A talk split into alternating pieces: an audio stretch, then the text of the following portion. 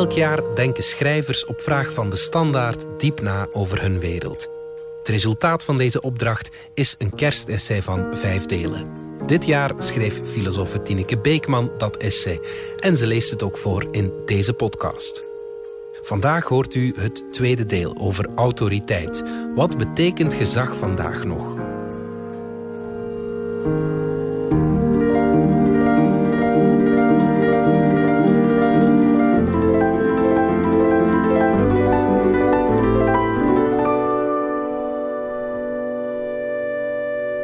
Oké, boomer. Met deze uitdrukking onderstrepen jongeren dat de oudere generatie niet meer begrijpt hoe de wereld in elkaar zit. Boomers zijn de babyboomers, geboren tussen 1945 en 1955. De ironie wil dat heel wat boomers zichzelf vaak als revolutionair beschouwen. Zij hebben vroeger de nieuwe wereld aangekondigd en de oude wereld afgevoerd, feller en luidruchtiger dan enige generatie voor hen. Nu ze een gevorderde leeftijd hebben bereikt, worden ze toegesproken alsof ze zelf passé zijn. De boomers rebelleerden in mei 68 de legendarische internationale revolte tegen de maatschappelijke orde. De tijden zijn aan het veranderen, zong Bob Dylan met zijn schurende stem. Als de profeet voor zijn generatie maande hij iedereen, ouders, politici, intellectuelen, aan om de omwenteling niet tegen te houden en plaats te ruimen voor de nieuwe wegen die de jeugd wil bewandelen. Tijdens de felle protesten van mei 68 eisen studenten individuele vrijheden op. Ze willen zich persoonlijk kunnen ontwikkelen en vrij zijn van de ketenen die de ouderlijke of andere autoriteit hen oplegt. In Parijs skanderen studenten slogans zoals Het is verboden te verbieden, de verbeelding aan de macht, Sous les pavés la plage, onder de kasseien het strand, een allusie op de vele gewelddadige protesten. De hele maand mei wordt in Frankrijk gestaakt. Maar wanneer president de Gaulle in juni verkiezingen uitschrijft, wint hij die met een overweldigende meerderheid. En na hem volgen nog rechtse, conservatieve presidenten tot Mitterrands verkiezing in 1981. Toch wordt het nooit meer hetzelfde. De verhouding tot autoriteit en gezag is gekenterd. Studentenaanvoerder Daniel Cohn-Bendit stelt het gevat. We hebben de rechten van het heden tegenover het verleden opgeëist. We hebben de stemmen van het moment opgeroepen tegenover museumbewakers. Daarmee geeft Cohn-Bendit de kern van de evolutie weer. De veranderende tijden hebben vooral de relatie tot de tijd zelf veranderd. Voortaan lijken gezagsdragers op museumconservators. Ze bewaken een dood verleden. De val van een schijnbaar onbetwistbaar politiek, religieus en academisch bestel wordt als een zegen voorgesteld. Ten slotte is gezag na met geweld, dwang en macht verbonden. De nieuwe mens is dus van een zware last bevrijd. Hij kan zijn toekomst voortaan vanuit het heden uittekenen. Maar is dat wel mogelijk? Hannah Arendt denkt van niet. Lang voor mei 68 beschrijft ze de crisis van de autoriteit als een probleem. Voor haar is autoriteit onontbeerlijk. Niet om het verleden te bewaken, maar om een vrije, open toekomst te garanderen.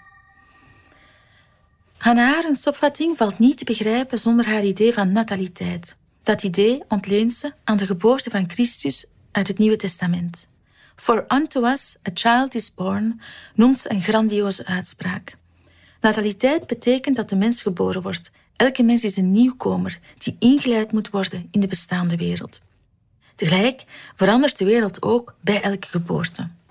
En de mogelijkheid van een mens om het nieuwe te scheppen blijft niet tot dat ene moment beperkt. De mens schept voortdurend door zijn activiteiten, arbeiden, werken en handelen. De manier waarop de mens deze activiteiten invult bepaalt ook hoe de mens het nieuwe mogelijk maakt, maar daarover in het vierde essay meer. Arendt is origineel in haar nadruk op nataliteit die haar politieke filosofie bepaalt. Voor haar leermeester Martin Heidegger bijvoorbeeld staat denken in het teken van de eindigheid, van het Sein zum Tode. Voor Arendt is denken niet zozeer sterfelijkheid en dood contempleren. Ze interesseert zich voor handelen in de wereld, voor de activiteiten waardoor mensen een wereld creëren. Mensen worden geboren, niet om te sterven, maar om een begin te maken. En dat doen ze telkens ze de verantwoordelijkheid voor de zorg voor de wereld opnemen. En daarin speelt autoriteit een grote rol, want die verbindt generaties met elkaar. Autoriteit garandeert dat de zorg voor de wereld van de ene generatie naar de andere wordt overgedragen. Kinderen zijn nieuwkomers die in de wereld moeten worden binnengeleid. Voor hen is autoriteit op twee manieren noodzakelijk. In hoe ze opgroeien, dit maakt deel uit van hun eigen levenscyclus, en in hun opvoeding, hoe ze leren voor de wereld verantwoordelijk te zijn. Bij beide aspecten spelen ouders en leerkrachten een rol en bij uitbreiding dus ook andere leden van de cultuur. Ze helpen het individu ontwikkelen en slaan een brug tussen heden, verleden en toekomst. Teruggrijpen naar wat mensen in het verleden hebben gedaan is dus onontbeerlijk voor Arendt. Maar niet elke referentie naar het verleden betekent dat je een traditie opneemt. Verleden en traditie zijn niet hetzelfde. Arendt citeert de Franse dichter en verzetsheld René Char, die tijdens de Tweede Wereldoorlog noteerde: Notre héritage n'est précédé d'aucun testament. Onze erfenis is niet voorafgegaan door een testament. We hebben dus een erfenis gekregen zonder testament. En deze gedachte is opmerkelijk. Een erfenis veronderstelt een testament of minstens afspraken over successie. Een testament maakt de erfenis legitiem als het ware. Maar die regeling is weggevallen en dat is riskant, maar ook bevrijdend. Mensen kunnen zelf kiezen welke elementen uit het verleden ze willen bewaren. Er is geen traditie meer die in jouw plaats bepaalt hoe de overgang van verleden naar heden moet verlopen. Als je dus met de traditie breekt, hoef je de band met het verleden niet door te knippen. Je moet wel bewust met het verleden omgaan. Want er is wel degelijk een gevaar dat je zonder traditie meteen het verleden negeert. Dat je je gewoon niet meer voor het verleden interesseert. En dat is een dramatische evolutie, want het is een illusie te denken dat de nieuwkomers geheel uit zichzelf een wereld kunnen opbouwen. Het onderwijs probeert dus twee doelstellingen te combineren. Ze wil kinderen meenemen in de continuïteit met het verleden en hen de mogelijkheid geven zelf vorm te geven aan het nieuwe. Opvoeding, schrijft Arendt, is waar we beslissen of we voldoende van onze kinderen houden om hen niet uit onze wereld te verbannen en om hen niet over te laten aan hun eigen deviezen. En waar we hen evenmin de kans om iets nieuws te ondernemen uit handen nemen Iets dat we niet hebben voorzien, maar dat hen voorbereidt op de opdracht om een gemeenschappelijke wereld te vernieuwen. Autoriteit veronderstelt altijd een hiërarchische relatie en dus een vorm van ongelijkheid. Ze vraagt ook volgzaamheid, waardoor ze makkelijk met een vorm van macht of geweld wordt verward. Maar autoriteit bevindt zich tussen dwang en overtuiging. Autoriteit veronderstelt invloed zonder machtsuitoefening, zoals bij dwang het geval zou zijn. Tegelijk steunt ze niet op een overtuiging. Het gaat niet om gelijken die elkaar met argumenten proberen te beïnvloeden. Daarmee bevindt de gehoorzame persoon zich tussen gedwongen onderwerping en vrijwillige instemming. Arendt wijst er verder op dat autoriteit van het Latijns augere komt, vermeerderen.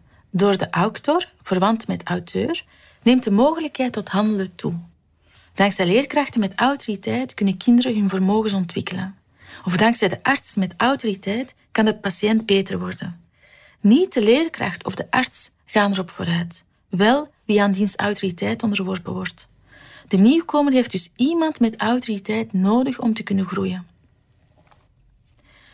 Autoriteit verschilt van autoritaire macht. De autoritaire leider vertrekt van zijn eigen positie, die hij of zij wil bevestigd zien. Hij beslist, de ondergeschikte voert uit, ongeacht welke beleving of inbreng die ondergeschikte heeft.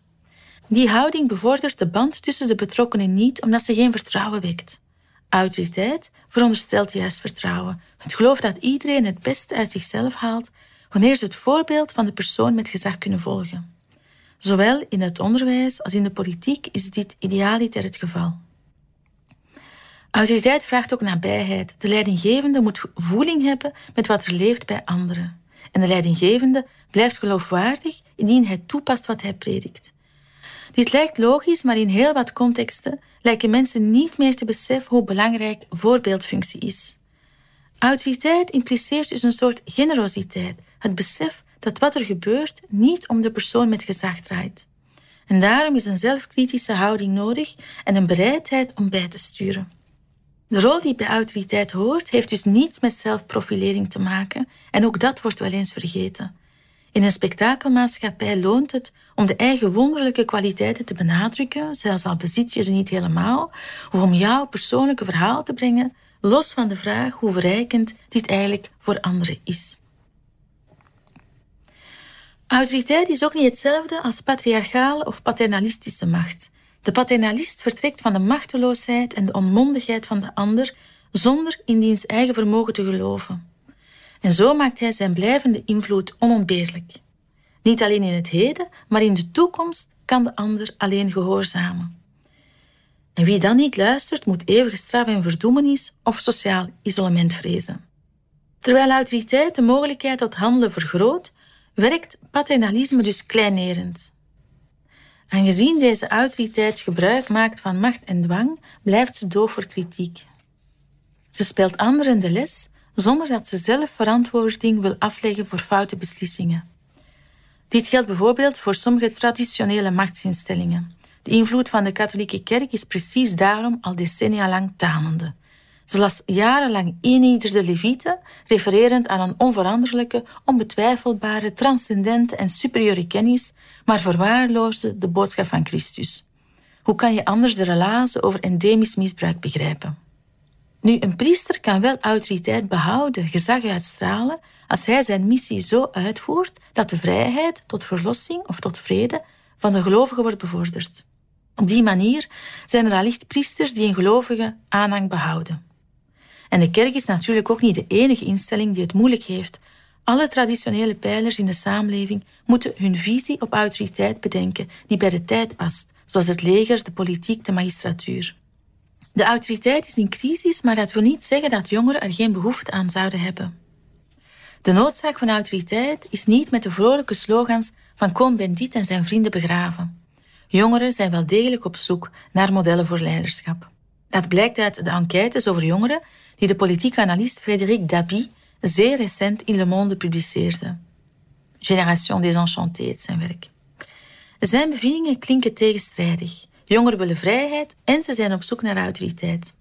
Dabi stelt al decennia lang peilingen op en voor het eerst, sinds de jaren 60, 70 of 80, merkt hij een kentering. Jongeren definiëren zichzelf niet meer vanuit hun verzet tegen de autoriteit van volwassenen. Wellicht speelt mee dat de hedendaagse autoriteit te afgezwakt is om als verdrukkend te worden ervaren.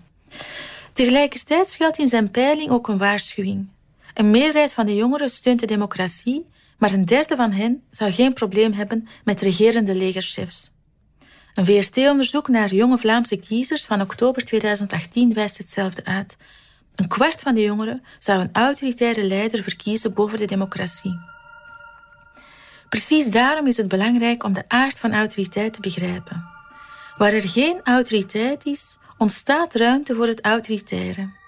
Hannah Arendt geeft hier het voorbeeld van de leraar.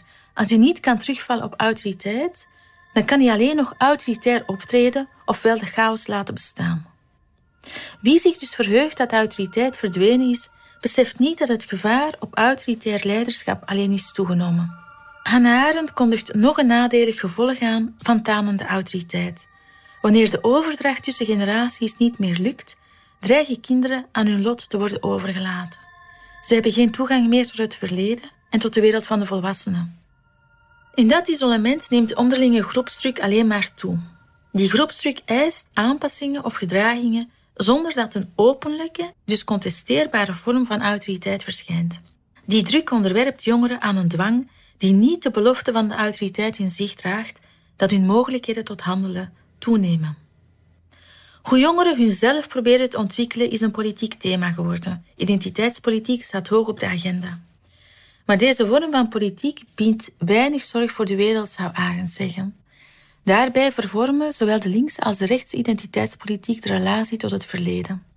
De eerste ziet vooral het negatieve van de erfenis. De samenleving is uit een racistische, kapitalistische, xenofobe traditie voortgekomen. De rechtse variant idealiseert het verleden en gebruikt een selectieve herinnering om een exclusieve samenleving te organiseren. Over deze zoektocht van jongeren naar wie ze zijn gaat de volgende aflevering.